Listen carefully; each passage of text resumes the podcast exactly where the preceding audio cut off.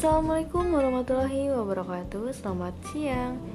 Jadi kami tidak bisa berkegiatan di luar rumah Dan hanya bisa berkegiatan di rumah aja secara online.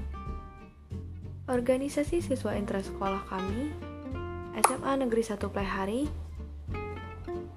Melakukan podcast Sharing tentang Gimana sih caranya supaya tetap berkegiatan namun hanya di rumah aja. Oke, mari kita saksikan.